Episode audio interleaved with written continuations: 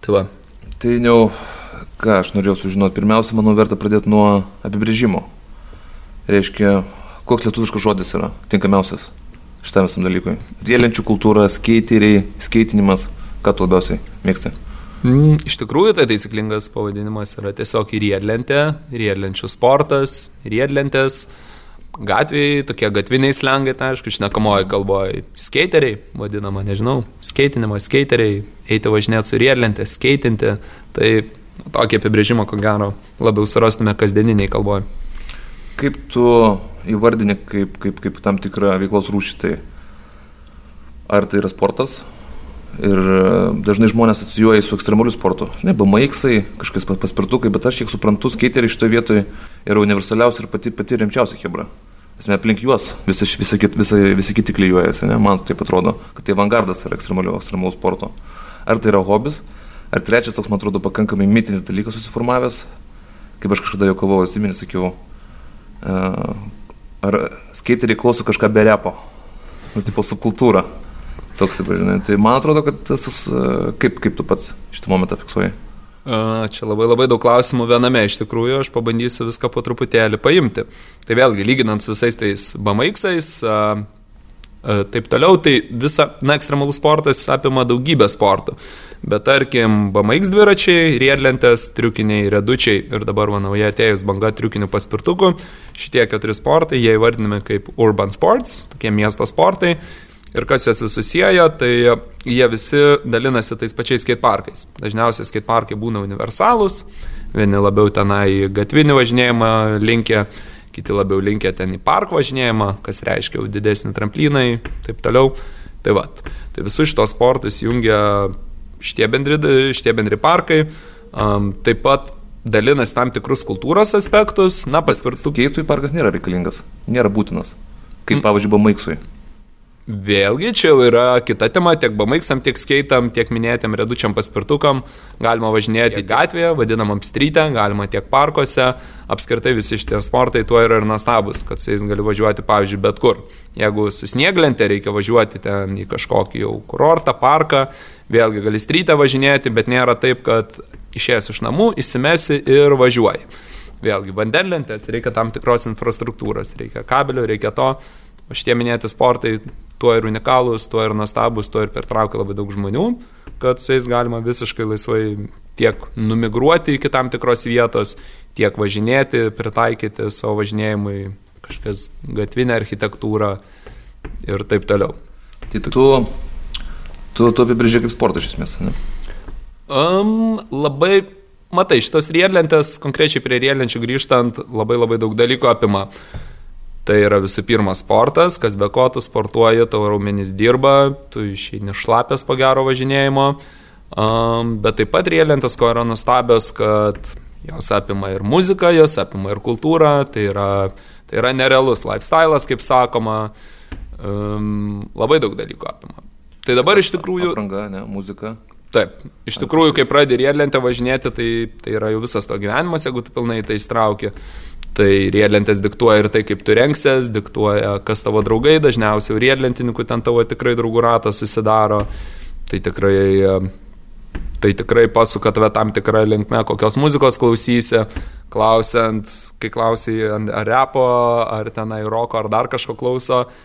Tai vėlgi būna skirtingai, yra tokie rap skateriai, yra rock skateriai, vėlgi dabar yra kas klauso važinėdami techno ir taip toliau, įvairiausių muzikų. Ir priklausomai kaip tu važinėjai, kaip tu, kokios tu muzikos klausai, tie skeiteriai ir skirtingai atrodo ir skirtingus triukus renkasi.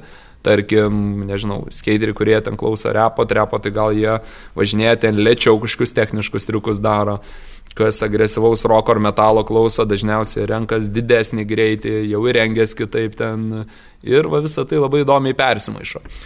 Ir iš tikrųjų dabar riedlentės turėjo startuoti šiemet olimpinėse žaidynėse. Tokiu, jau. tai buvo paskutinis taškas, kad tai iš tikrųjų yra sportas, netgi nebebūtina vadinti ekstremaliu sportu, tai yra kuo tikriausias pilnavertis sportas. Riedlenčių olimpinės žaidynės, kartu riedlenčių olimpinės žaidynės nusikėlė kitiems metams dėl paskutinių įvykių. Bet vis tiek jau tai reiškia Momentas yra jau užregistruotas. Momentas yra. Olimpinė sporto šaka. Taip, tiek ir mes su kolegom esam kūrę vietinę Lietuvos riedlenčių federaciją ir visur pasaulyje vyksta šitie dalykai. Yra jau pasaulinė riedlenčių federacija, visus apjungianti, yra visa taškų sistema suformuota, žodžiu, reikalai rimti. Ir dabar galėčiau pasakyti, kad riedlentininkai į tokias dvi barikadų pusės būriuojasi. Tai vieni nori ir toliau likti gatvės artistais, nori riedlentės matyti kaip meną.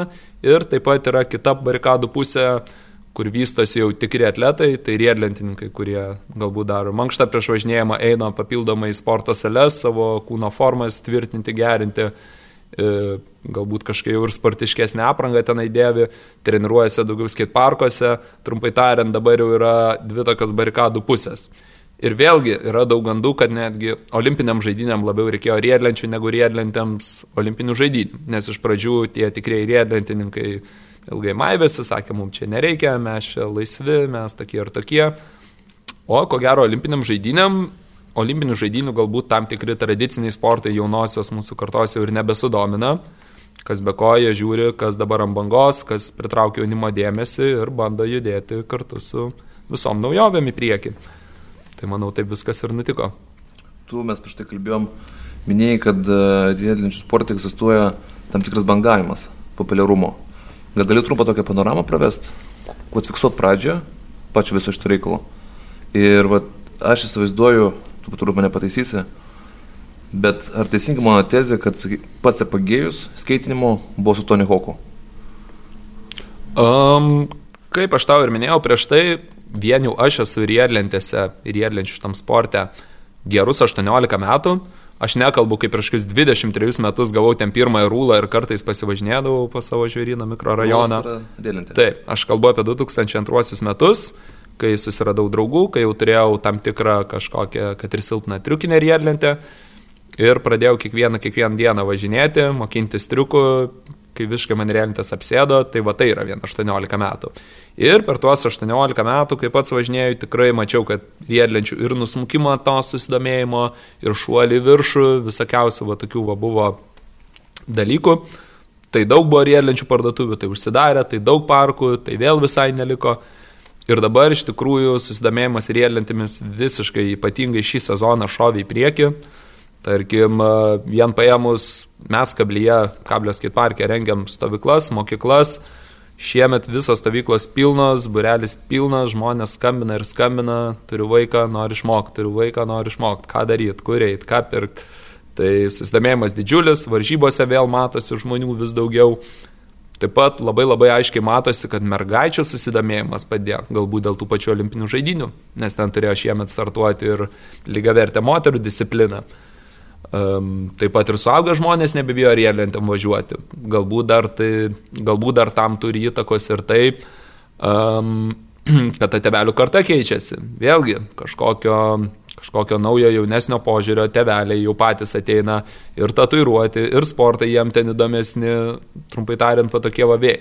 Tai tiek patys teveliai per mūsų projektus, kur nemokamas pamokas darom, ateina melai mokinasi įvairaus amžiaus, tiek savo atžalas nori pastumėti link šitų alternatyvių sportų. Ir taip pat minėjai tą Tony Hawk'o erą, tai taip yra visiška tiesa, kai buvo išleisti Tony Hawk Pro Skater žaidimai, niekas nesitikėjo, kad jie sulauks šitokio dėmesio. Kompiuteriniai žaidimai. Kompiuteriniai žaidimai. Buvo Tony Hawk Pro Skater 1, 2, 3, 4, paskui dar ten kitos dalis. Uh, tai tie žaidimai tikrai esu daug podcastų irgi klausęs, daug informacijos apie tai skaitęs, jie labai labai didžiulę įtaką padarė, tuo metu skateboardingas labai išpopuliarėjo. Vien dabar prieš man ateinant podcastą, kaip minėjau, pas mane buvo žmonės iš televizijos, per 40 galbūt žurnalistas, vėlgi iškart sako, Tony Hawk Pro Skater, sakė, žaisdavau ir žaisdavau, padaryk kickflipą. Tai turiuomenį žmonės iš to žaidimo ir patys užsinorėdavo tikrom riedlentėm važiuoti, o jeigu ir nevažiuodavo, tai vėlgi eini gatvė ir tau nevažinėjantis žmogus gali pasakyti, ei, Tony Hawkas, ei, padaryk kickflipą, padaryk dark slide ir taip toliau.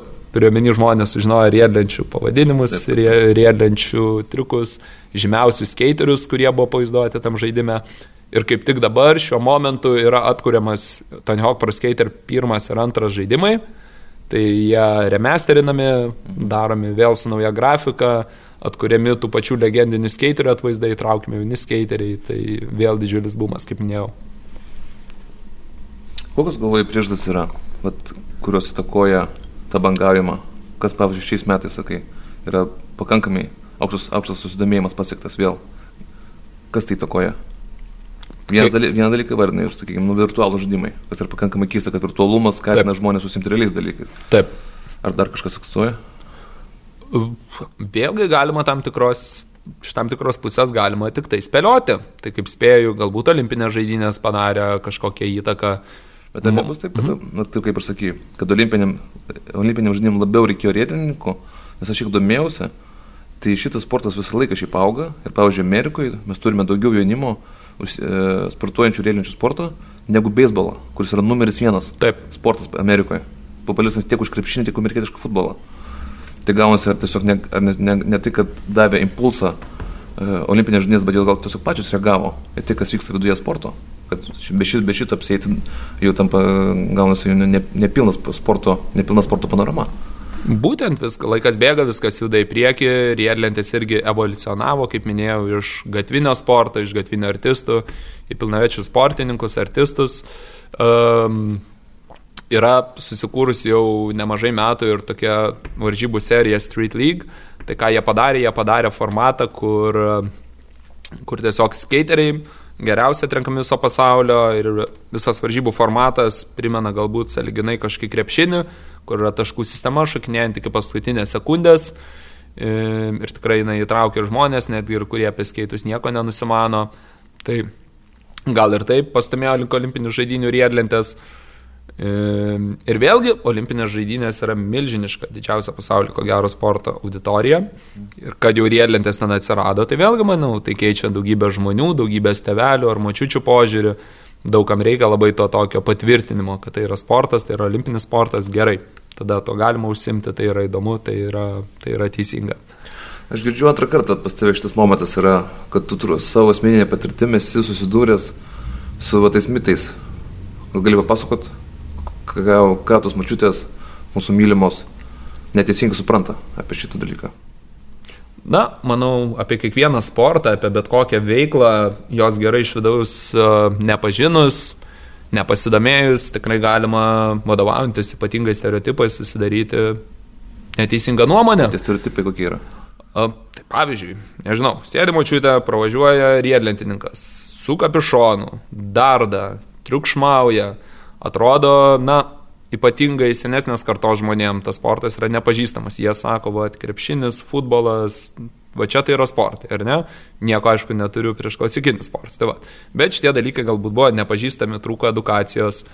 Um, o dabar dažnai ir pas mus į užsiemimus į kablį ateina teveliai, pamato iš arti, pabendrauja, kad tai yra normalus išsilavinę žmonės, turi darbus, užsiminėja tai kaip pilnaverčių sportų galbūt pamato, kad tas sportas nėra toks pavojingas, kaip atrodo, pamato, kaip vaikai su treneriu puikiai gali viską išmokti, pamato, kad pats treneris, važinėjantis 20 metų, yra sveikas, gyvas ir galvos nenusilaužęs. Tai su kokrendė stereotipus, tai sakau, manau, kad galvoja čia gatvėse trinasi, tai galbūt čia kažkie narkomanai, galvoja, kad tas rientės nėra saugus sportas, galvoja, kad leisiu vaikus, tai čia nusisuks sprandą, užsigaus. Įvairiausių stereotipų yra. Tai kažkokia yra asociacija su huliganizmu, ne? Na, ta asociacija, ko gero, ko gero, jinai gimus iš to, kad, kaip minėjau, yra ir gatvinio skateboardingo pusė, kai savo triukams rielininkai gatvėse ieško įvairių bordiūrų, laiptų, turėklų, per kuriuos kartais ir pračiožiama, pragrindinama, kaip sakant, tai tam tikra, nežinau, infrastruktūra kaip bortelių kraštai kartais gali būti ir apibražyti kažkokios žymės norėlenčių likti. Ir tai lieka, tai yra tiesa. Mano, mano klausimas, o tai kas, kas čia tokio baisaus? Bet turint omenyną, įsivaizduok, atidaryta buvo Kudirkos aikštė prieš kokius, va, nežinau, 17 metų aš ten pirmą kartą įžengiau, 17 metų ten važinėja aktyviai riedlentininkai, na ir ką. Ir yra ten natūralus nustebėjimas, kuris taip ar tai būtų buvęs, konkrečiai narėlenčių, nu, yra nubražyti bordiūrų kampai. Ta. Ir kažkam atrodo tai pasaulio pabaiga, bet turint omeny, kad tų nubražytų bordiūrų kaina yra tai, kad šimtai jaunuolių turi kasdieną motivaciją. Tūkstančiai. Tūkstančiai. Turi motivaciją kažkur eiti, sportuoti, nesėdėti namie ar kitom nesąmonėm užsimti. Būrėsi jie į draugų kažkokias kompanijas. Na, tiek papildo jaunų žmonių iš tikrųjų gyvenseną, tai yra toks nuostabus dalykas. Tai tiesiog, manau, daug kas neįsigilina, kas yra tas riedlentės, ką jos suteikia jaunam žmogui. Ir skuba bartis dėl triukšmo, dėl kažkokių pabražytų bartelių ir taip toliau, kas, manau, yra smulkmenos, palyginti su tuo, ką jos duoda žmogui. Aš absoliučiai pritariu, ta prasme, ten dabar paimti. Uh, paimti kiekvien, kiekvienas sportas, kiekviena žmogiška veikla turi tam tikrą įtaką aplinkai, kur ne visą laiką bus teigiama. Taip. Bet čia yra, aš šitą kontroversiją esu girdėjęs Amerikos kontekste. Bet noriu pasakyti, kad ir Lietuvoje kažkas sugebėjo paprieštarauti dėl šito klausimo, kad kažkas kažkokį bradūrą šiek tiek pabražė. Nuolatos, aš galiu papasakoti tiesiog labai gyvų pavyzdžių. Kaip minėjau, 18 metų važinėjau labai aktyviai ir strytę, tiek filmuotis einam įvairių triukų savo pritaikytų urbanistinėje aplinkoje.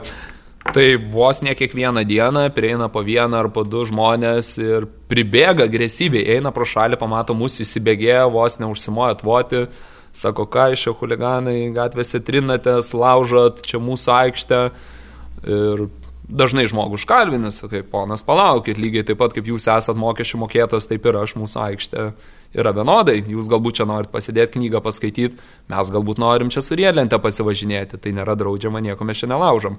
Tai kartai žmonės yra linkę eiti dialogą, pasikalba ir išsiskiriam su šypsena, viską jie supranta, lieka edukuoti, o kartais matai, kad žmonės tiesiog rėkia, putas drimba, tai panašu, kad jis ir nenori eiti jokį dialogą, nenori net girdėti kažkiek kaip, tai panašu, kad daug tokių žmonių, kurie šiaip eina per miestą, žiūri, kur išsikrauti savo blogas emocijas.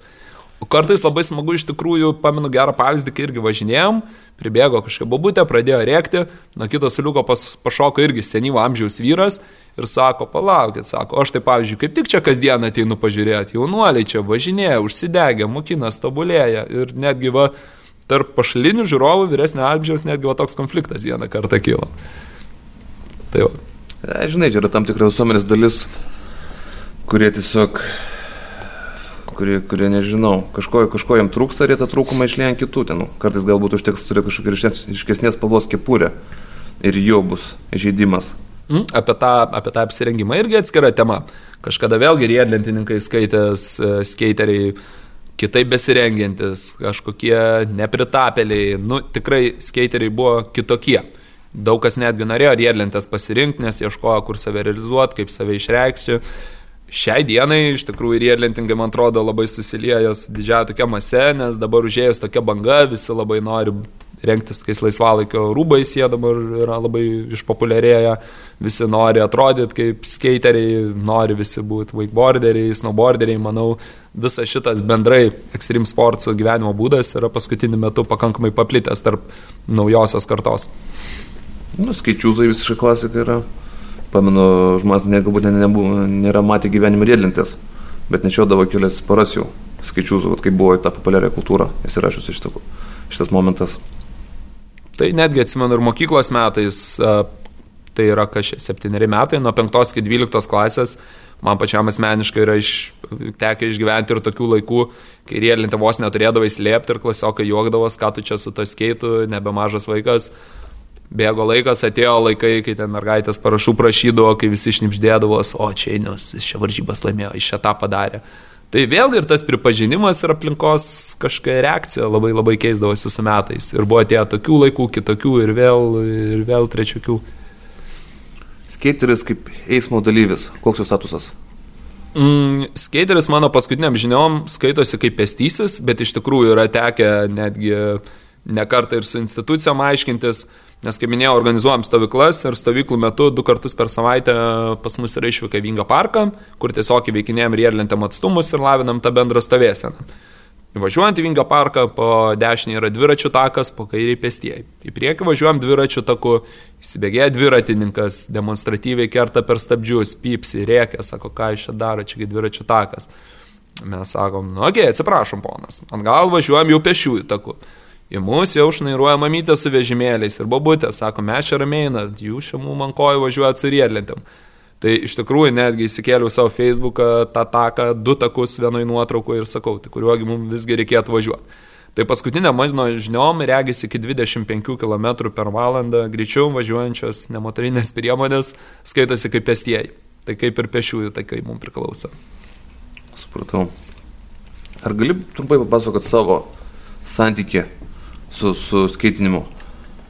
Reiškia, kaip tu prasidėjo, kas buvo, kad tave užkabino, vėlesnis tas varžybų etapas ir, va, kiek žinau, dabartinė, dabartinė tavo profesija, tu esi toks kaip uh, esmės Lietuvos skaitinimo gūro. Toks pagrindinis žmogus, kuris tiek, tiek man atrodo, kūruoja ir skait, skaiterių federacija, kuri turbūt yra esminė institucija, institucinė forma. Tai va, jeigu tu trumpai gali. Tai prisime, pirmas prisiminimas, kai man prasidėjo riedlentės, tai iš tikrųjų pamačiau savo kaimyną, kaip stenžiūrinė, nuo tokių dviejų kalnelių nulėkė su riedlentė. Pirmas vaizdas, ko gero, man galvoja įstrigęs toks. Vėliau pats iš jo tą riedlentę perpirkau, kaip minėjau, tą tokia rusiška rūla bandydavau pasivažinėti po rajoną.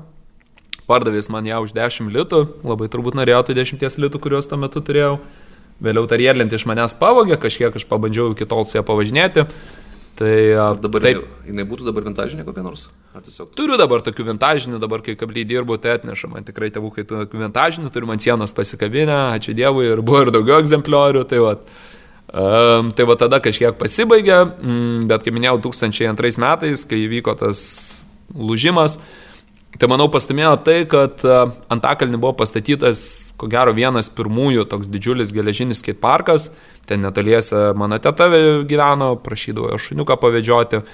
Mm, tai vaikščiodavau vieną kitą kartą, pamačiau tiesiog bendrai, kaip ten važinėja su bamaiksais, su redučiais, su skeitais ir visa tai pasirodė tiesiog labai labai kieta, visas tas jų gyvenimas, visas tas skate parkas, visas bendras vaizdas ir tada supratau, reikia kažką tokio daryti. Ir turėjau aš tuo metu dar vieną riedlentę nusipirkęs, Pabandžiau ten važiuoti vieną, kitą kartą, susiradau šiokių tokių draugų, vėliau ir šio savo mikrorajonė žvėrynę susiradau bendraminčių ir tada jau kelio atgal nebuvo. Pradėjom važinėti kiekvieną dieną, eidavau pas draugus visokių video žiūrėti, studijuodavom ir tai apskritai visų šimtų procentų mane įtraukė, apie nieką kitą nebeišeidavo nei galvoti. Tai va, važinėdavom riedlentėm, mokindavomės, tai supažindino ir su muzika, per riedlentės pradėjau labai daug ir keliauti vėliau gaudau, pradėjau gauti ir visokiausių remėjų. Atėjo varžybų laikotarpis. Atėjo ir varžybų laikotarpis, lab, tai man yra iš tikrųjų tokie skeiteriai, kuriuos vadina varžybiniais, kurie daugiau varžybose važinėja, yra kas daugiau gatvėse skeitina, man buvo įdomu viskas.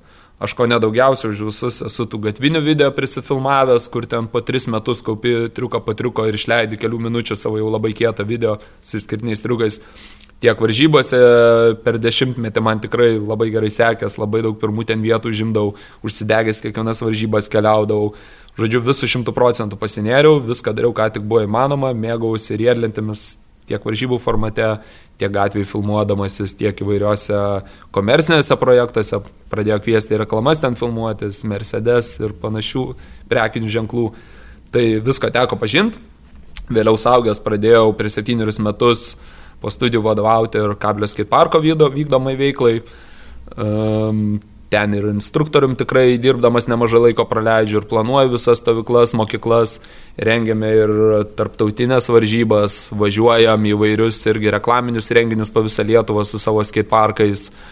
Ir pačiam teisėjauti yra tekę pasaulinio lygio varžybose kelis metus, kur ten jau iš viso pasaulio geriausi pasaulio atletai rinktiniai suvažiuoja ir komentuoju varžybas, žodžiu, praktiškai su tam riedlentėm esu išbandęs viską.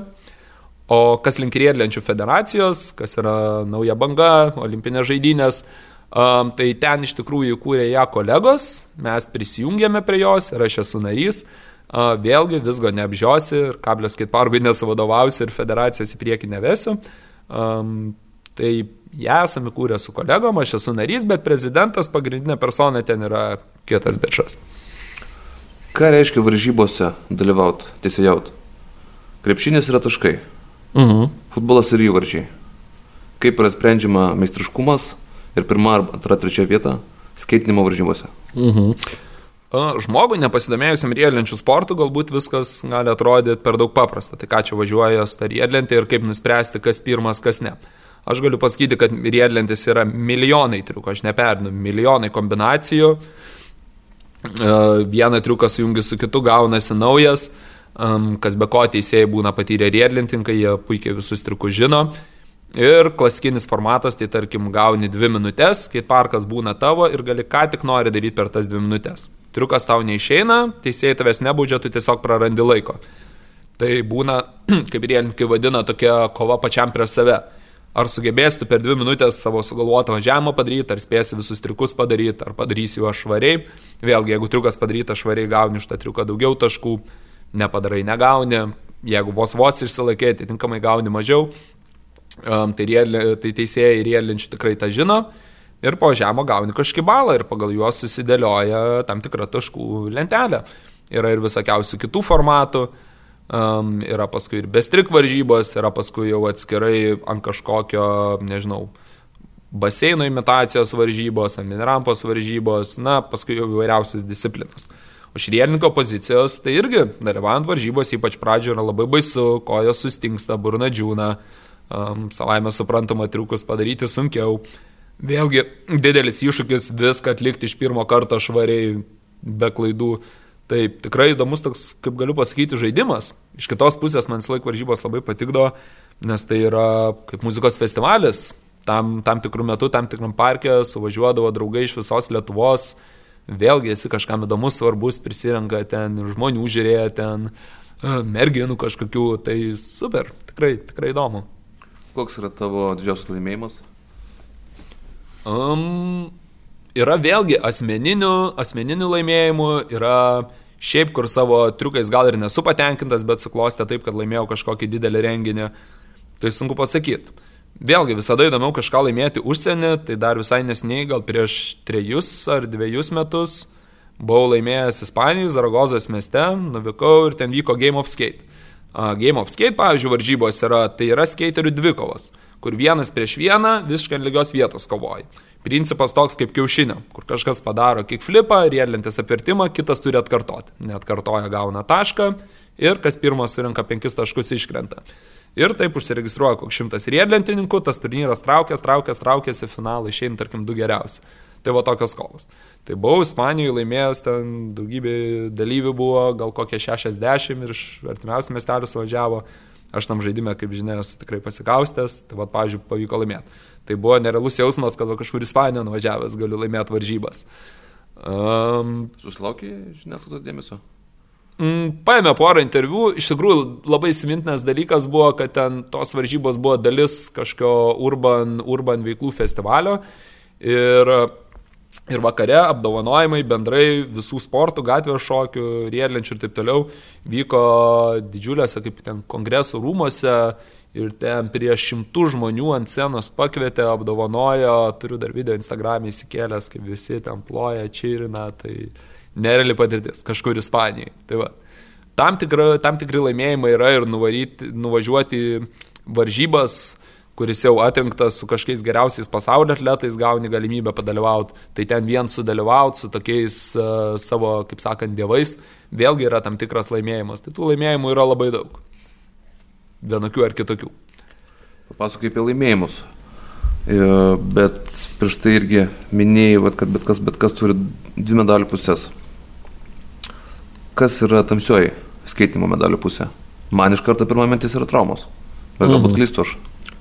Na, labai daugam atrodo, atrodo tai tikrai pavojingas, nesaugus sportas, daug kas labai ir bijo, daug kas pradžioje pasibando kelis kartus pasispirt, galbūt be instruktoriaus, nežino kaip ko daryti taisyklingai, nukrenta, užsigauna, rėlenčio atsisako, kartais nemokėdami važiuoti gali tikrai net ir pradžioje susitraumuoti, dėl to tikrai, manau, svarbu pirmus žingsnis žengti su kažkokia pagalba. Mes, kai aš... Asmeniškai lūžė kažkas yra? Kaip po 18 metų važinėjimo vis dar prieš tave sėdžiu sveikas, gyvas, mm, galiu tą savo traumas pavardinti, aišku, labai žmonių nesinori e, išgazdinti. Ne, žinai, bet kas, kas, kas klausosi, pirmiausia, su, suvoks tą, kad žymiai daugiau žmonių yra nu, kompiuteriniai žaidimai nužudė dėl, nu, infar, dėl infarkto. Na, va, teisingai. Žinai, tai, prasme, tai šitoje vietoje nereikia tiesiog, e, nu, mes visi žinome, apie ką kalba. Mhm. E, ir vėl, krepšinis, tai stuburai, kikeliai. Pietus. Na va, labai gerą temą pradėjai. Tėvai bijo vesti riedlentės vaikus arba suaugę žmonės bijo pradėti galvoja, kad tai yra pavojinga, gausi daug traumų. Krepšinėje, futbole, tradiciniams mūsų mylimiems sportams, taip, kurie atrodo saugus uh, ir taip toliau, ten traumų įvyksta tikrai nemažiau. Na, kas link mano asmeninių traumų, tai yra lūžęs ir delnas e, dešinys, Ir alkūnė dabar neseniai lūžo dešinės rankos, kairės rankos riešas buvo išėjęs visiškai išrikiuotės lūžęs, kairys pirštas buvo lūžęs, raktikaulis, smegenų sutrenkimą turėjau, tikrai siūtas esu ne vienoje vietoje, bet vėlgi, nenori, nesinori žmonių išgazdinti, reikia atsiminti, kad visa tai buvo per 18 metų viena kita trauma Turiu kolegų, kurie per 18 metų nei dreskimo negavo, bet tikrai pėtis su pėtis su manim ėjo kasdieną važinėjo ten triukus, pačius baisiausius bandė. Tai nelaimingo atsitikimo faktorius yra visur. Vėlgi kažkoks, nežinau, lūžis ar dar kas nors, manau, ar ant supinių vaikui supantis, ar nuo tiltelio šokant, tikrai nutiks. Atsimikim su, su mašinom, jei neklystu, gal sumeluosiu, bet apitiksliai. Kasdien keliuose žuvo 20 tūkstančių žmonių. Būtent. Žūna be, čia neįskaičiuojant traumų, nelaimingų atsitikimų, kas lieka kartais galbūt suluošinti žmonės. Tai šitoje vietoje aš galvoju, kad tiesiog jeigu ar ant tiek baime kažką daryti, tai tada nieko nelieka. Uh mhm. -huh. Bet kas tas, aš burdamas virtuvėje, žinau, ir, ir, ir pirštas nusipjovęs. Ir, nu, daug, manyčiau, kad tas laikotarpis palyginti mano traumas vien darbe, respektabiliojo, ne, va, šią, galbūt galėtų būtų didesnės negu eilinio skaterio sportuojant. Na, o kas galėtų, kas galėtų pasakyti, kas pagalvotų apskritai, kad virtuviai žmonės susižaloja. Na ir dar galiu žmonės nuraminti, kad laikai keičiasi. Kai aš ir mano draugai mokėmės, galbūt ir iš tikrųjų dabar atgal pažvelgus, pažvelgus būdavo Wild West, šalmų nieks apskritai nežinojo, daug dievė kokias kelio apsaugas užsidėdavo, viską, viską bandydom eksperimentavimo būdu, patiems tekdavo įsidrasinti važiuoti nuo kažkokios rampos ir nerti į nežinę. Informacijos nebuvo, socialinių tinklų nebuvo, pasigūglinti negalėjai. Video irgi turėdavo, daug dėjo vienas vaikas e, rajone kažkokį įrašytą, kurį žiūrėdom tą patį ratais. O dabar, kaip minėjau, vien vat, pas mus kablyje yra irgi jau devynerius metus, yra mokyklėlės, stovyklėlės vaikam, suaugusiam pamokos normalus dalykas pagaliau pasidarė, ypač besimokantiems dėvėti šalmus apsaugas, tai nebėra gėda, tai yra normalus dalykas, palaipsniui išaugo į tai, kad tai yra vat, savaime suprantama, kad naujokai turi juos dėvėti, tada yra instruktažas, yra visa informacija, kaip viską taisyklingai, pailiui padaryti, yra fizinė pagalba, treneriai prilaiko, tai ką mes mokindavomės kelius mėnesius, vaikai išmoksta per kelias minutės dabar, tai ir laikai keičiasi. Kaip, jeigu dabar tau reiktų nubražyti žemėlapį, aš įsivaizduoju, kaip ir daugelį sportų vis tiek toną, madas tam tikras užduoda amerikiečiai. Taip. Reiškia, pas juos vis tiek yra pagrindinė visa ta bazė sporto. Visokie išradimai galbūt, ar kas, kas, kas po to būtų po amerikiečių. Mm, na, riedlentės irgi tikrai atėjo iš Amerikos, tai iki šiol visiems dar žinomas kaip Amerikos sportas, bet labai labai džiugu, kad pat pasaulio, pasaulinio lygio varžybose, tarkim, šiuo metu neatsilieka ir europiečiai. Tikrai labai stiprus pas mus yra ispanai, yra stiprus prancūzai. O šiaip, jeigu, kaip minėjau, pasaulinio lygio dabar varžybų ten finalų lentelę paėmus, tai vis dar dominuoja amerikiečiai ir brazilai, bet įsipetė labai stiprus iš tikrųjų jau daug metų. Ir dabar, dabar, dabar japonai dar iš tikrųjų labai stiprių skeiterių atsiunčia. Tai vėlgi, dabar būna kokios keturios Amerikos vėliavos, keturios Brazilijos ir tarkim dvi Japonijos. Kas iš Europos, ypatingai kalbant apie tuos atletus arba šiaip žinomus pasaulinio lygio profesionalus, ko gero dažniausiai būna, kaip minėjau, Prancūzija arba Ispanija. Suomiai labai stiprus riedlentininkai. Keista, ne? Niekada ne, nepasakytum. Kartais labai keista, kodėl būtent toj šaly, kur tarkim daug sniego, šalta žiemom būna. Bet, va, tarkim, Suomių yra daug ir pasaulinio lygio profesionalų nuo senų laikų, tai gal kaip ir kažkam sunku pasakyti, kodėl Lietuvoje krepšinis, kuo ta Lietuva tokiais įspūdinga. Aš turiu savo teoriją, bet čia galbūt kita, kita tema būtų. Na taip. O Lietuva, kur viduriukas? Lietuva ko gero labiau prie pačios, kas be ko yra tokių šalių, kur riedlenčių iš vis galbūt niekas dar nežino. Yra ir tokių šalių, kur riedlentės daug metų egzistuoja, bet galbūt lygis vis dar žemesnis nei Lietuvoje. Uh, tikrai daug gerų riedlentininkų yra Lietuvoje ir dabar, ir anksčiau būdavo riedlentininkų, kurie gali tikrai labai gražiai važiuoti kartu ir atrodyti varžybose su pasaulinio lygio atletais, bet visgi nemanau, kad puikuojamės dar olimpinių žaidinių atletų sąrašuose, bet gerai, kad yra daug vietinių entuziastų, sportas ir čia labai populiarėja ir daug perspektyvių vaikų yra. tai bus matyt, kur atrodysim. Baltijos šalių kontekste, kas geriausiai varo? Baltijos šalių kontekste per visą rielinčių istoriją turim vieną profesionalą. Jam dabar, kaip ir man, yra 30 metų, jo vardas Madar Sapse, buvom net, ne, Latvijas.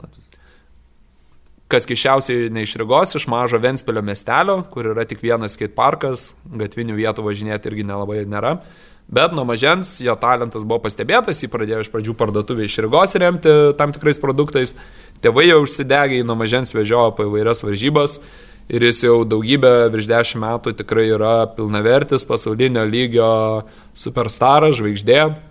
Važinėjo už tokius ženklus kaip DC, Red Bull, Element, kas yra ko gero prestižiškiausi remėjai pasaulyje turis visokius savo asmeninius tenai šau, taip toliau, žodžiu, yra be galo populiarus, unikalus, labai labai stiprus skateris. Jis ir mes prieš jį.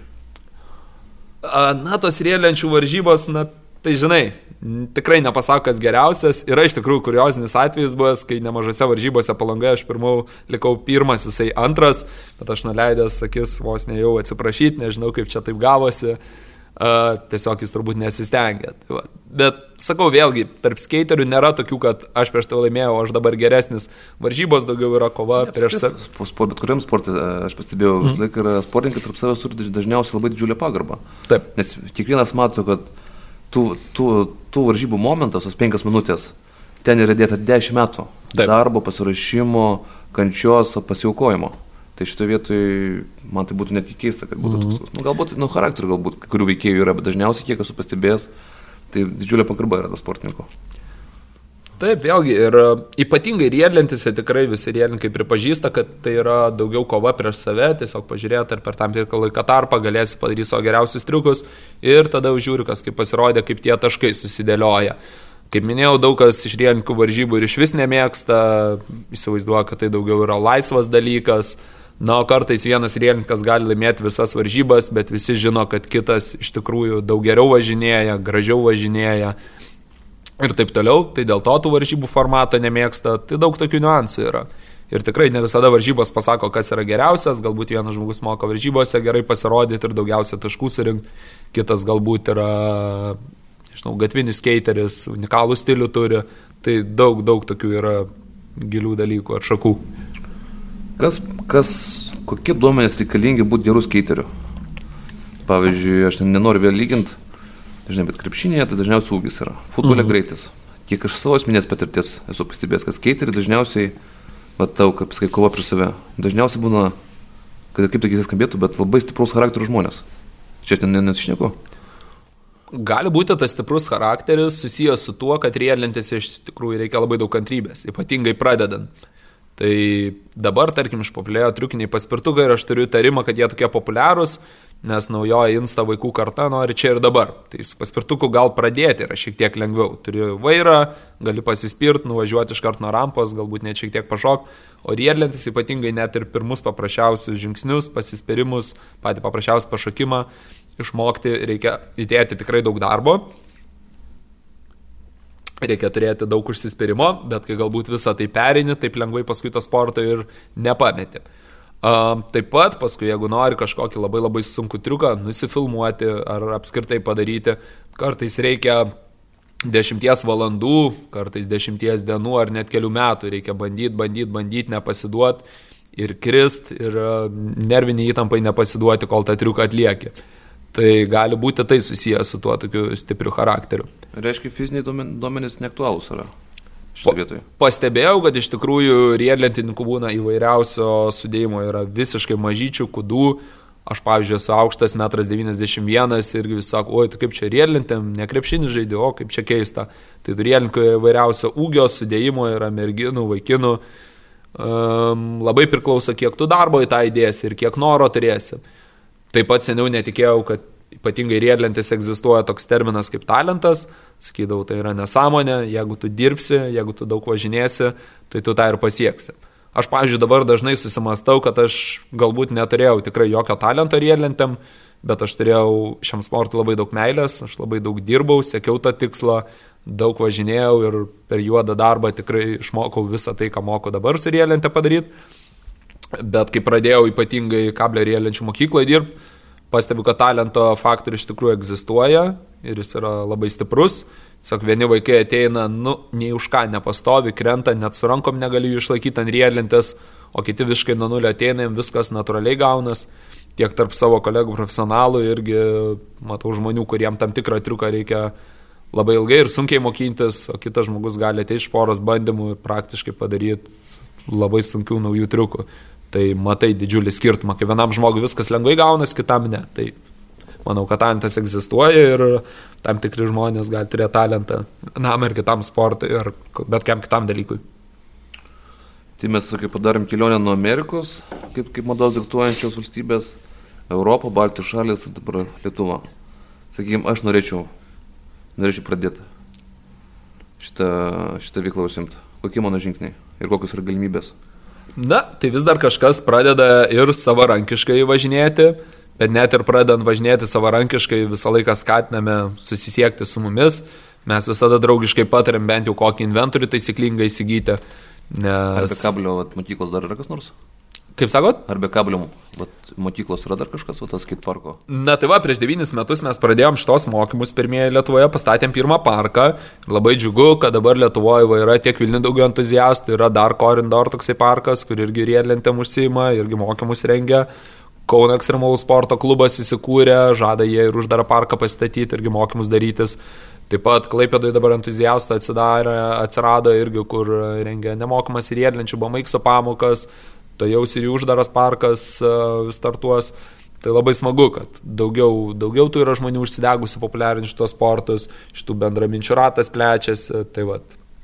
Va, grįžtam prie to pradinio klausimo, kitą. Sakykime, nueinu skaičiopą, nusipirku riedlentę. Galiu eiti pas tave mokytis uh mhm. -huh. į kablių skait parką. Galiu Vilniui, e, kur prie Baltojo tilto rampos yra. Taip, kur naują Baltojo tilto skate parką galima eiti. Kur dar tokie centrai, vat, kur bazuojasi? Mm, kaip minėjau, dar yra toks uždaras uh, riedlenčių parkas, kad ir nedidelis Korindor, žvėrinė. Praktiškai Vilniuje dabar tokios trys vietos. Pra, pernai buvo situacija dar blogesnė. Buvo kablio laikinas parkas, tik tai toksai stumdomas silpnokas. Buvo Korindor, bet kas yra uždaras parkas. Vasarą gal visi nori ypač savarankiškai važinėti laukia o Balto tilto parkas buvo rekonstruojamas, tai visi buvo ypatingai persimetę į gatves ar važinėjo gretimus miestus. Pavyzdžiui, Molėtose yra fantastiškas, didžiulis modernus betoninis parkas. Pačiuose Molėtuose? Taip, Molėtų mieste irgi su tam tikrų projektų pastatė didžiulį modernų parką, kas yra labai netikėta, bet ten daug nuostabių dalykų pristatyta. Teko kalbėti praeitą vasarą ir su pačiu meru tam parke asmeniškai. Tai išgyriau parką, pasakiau, kad džiaugiasi iš Vilniaus netgi važiuoja e, kompanija. Tai, o vat, tokie neforma, neformalius vietos, kaip minėjai, Vinco, Vinco Kudirkos aikštė. Aš anksčiau pastebėjau labai daug skaiterių, bet dabar turiu pasakyti, šiais metais, man atrodo, sumažėjo.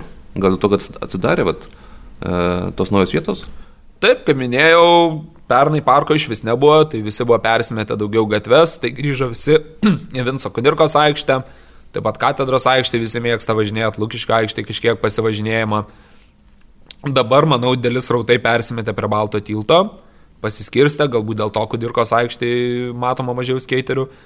Pamenu laikus, kai Kudirkos aikštė tik atsidarė, ten kasdieną nuo 8 ryto iki 11 vakaro šimtai skeiterių būdavo, tiršta. Iš pradžių niekas aikštėje važinėti nedraudė, tada pamatė, kad raižomi tie borteliai. Tada atvežė papildomų bordiūrų skirtų specialiai važinėjimams. Žmonės važinėjo ir ten, ir ten. Tada jau užpjūdė policija, pradėjo išvarinėti, sakė, iš vis tame čia nevažinėsit. Pasikeitė valdžia, vėl buvo galima važinėti, žodžiu, vien kudirkos aikštėje buvo tokia va istorija. Šiuo metu vėl, kaip ir niekam nekliūna ten važinėjantys įėlinkai, labai, labai retais atvejais ten policija dėl tam tikrų priežasčių gali išprašyti, ar tam tikri žmonės užsipulti. Tai važinėjančių vėl ten yra, Važinėjimas Kudirkos aikštė, Kadros aikštės gatvinis vėl šiek tiek atgimęs, bet kaip minėjau, dėl tam tikrų infrastruktūros pokyčių, tokių kaip naujas Balto tilto parkas, tie srautai gali padidėti arba sumažėti. Žinom dabar, kad nu, iš tikrųjų tas prieimimas į olimpinės žaidynės, jau diskusija, ar čia geras, ar čia blogas sportas, jisai pabaigė. Tai jau, ne, čia, jau nebėra prasmės diskutuoti. Tai yra pilna, pilna vertė sporto pasaulio narys, reališkas sportas. Jeigu vat, šiek tiek praplėst vaizduotę, kokias tu įsivaizduoji ateities tendencijas? Kas vyks šitam, šitam reikalė visam? Aš manau ir labai tikiuosi, kad šitas riedlenčių sportas tik stiprės ir auks ir vis didesnis dalykas darysis tose pačiose olimpinėse žaidynėse. Um, taip pat manau, kad nesustos ir prestižinės riedlenčių varžybos tokios kaip X Games ir Street League. Manau, kad vis daugiau žmonių bus važinėjančių. Tikiuosi, kad ir Lietuva galės vis daugiau pasiūlyti naujų talentų. Kalbant apie tą riedlenčių inventorių, tai vėlgi, kaip minėjau, tie patys batai, tarkim, daro kolaboracijas su Michelin padangom, bando tvirtinti padą, kad jis būtų kibesnis, patvaresnis rėliančių lentas vis bandoma įmaišyti vienokių ar kitokių papildų, kad jos būtų dar elastingesnės, dar tvintesnės, dar daugiau tarnautų. Tų pačių ratukų gumų lydiniai vis yra tobulinami, kad jie irgi būtų, turėtų dar geresnės savybės. Bet kad iš esmės e, rėlintės kažkokia struktūra pasikeis, tai tikrai nemanau. Vėlgi, mados ateina, kai buvo siauros rėlintės, dabar rėlintės yra labai išplatėjusios, tarkim, ploti. Uh, kaip sakant, tendencijos va tokios keičias, bet iš esmės pagrindas tikrai lieka tas pats. Tai nemanau, kad iš esmės rielintės struktūra pasikeis.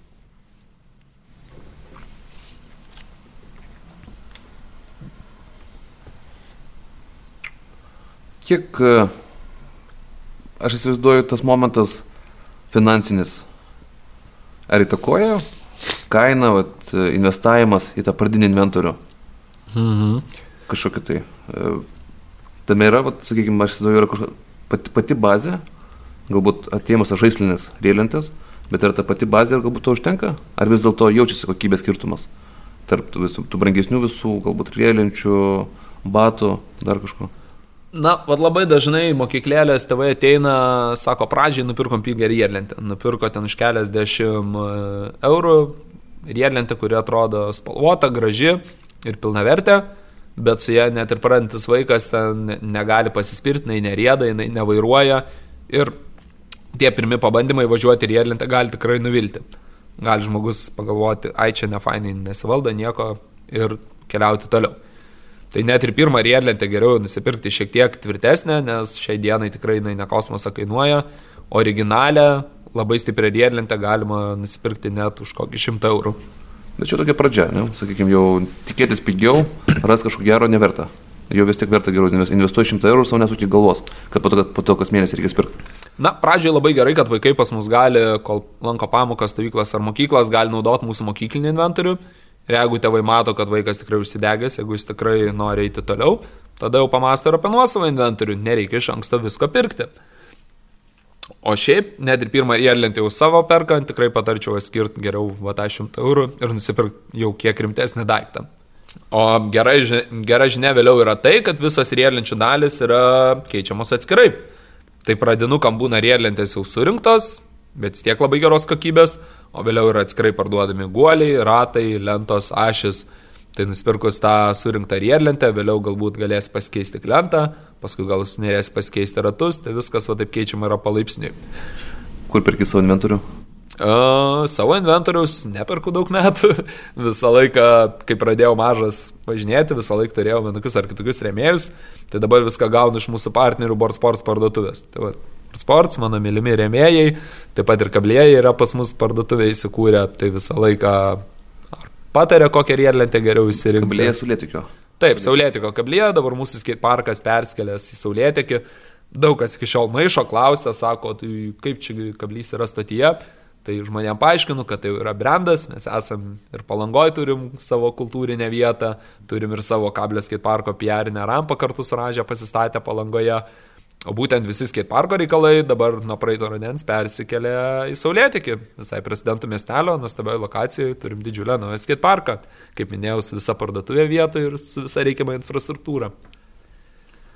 Kas tuo manimu laimės olimpinės žudinės?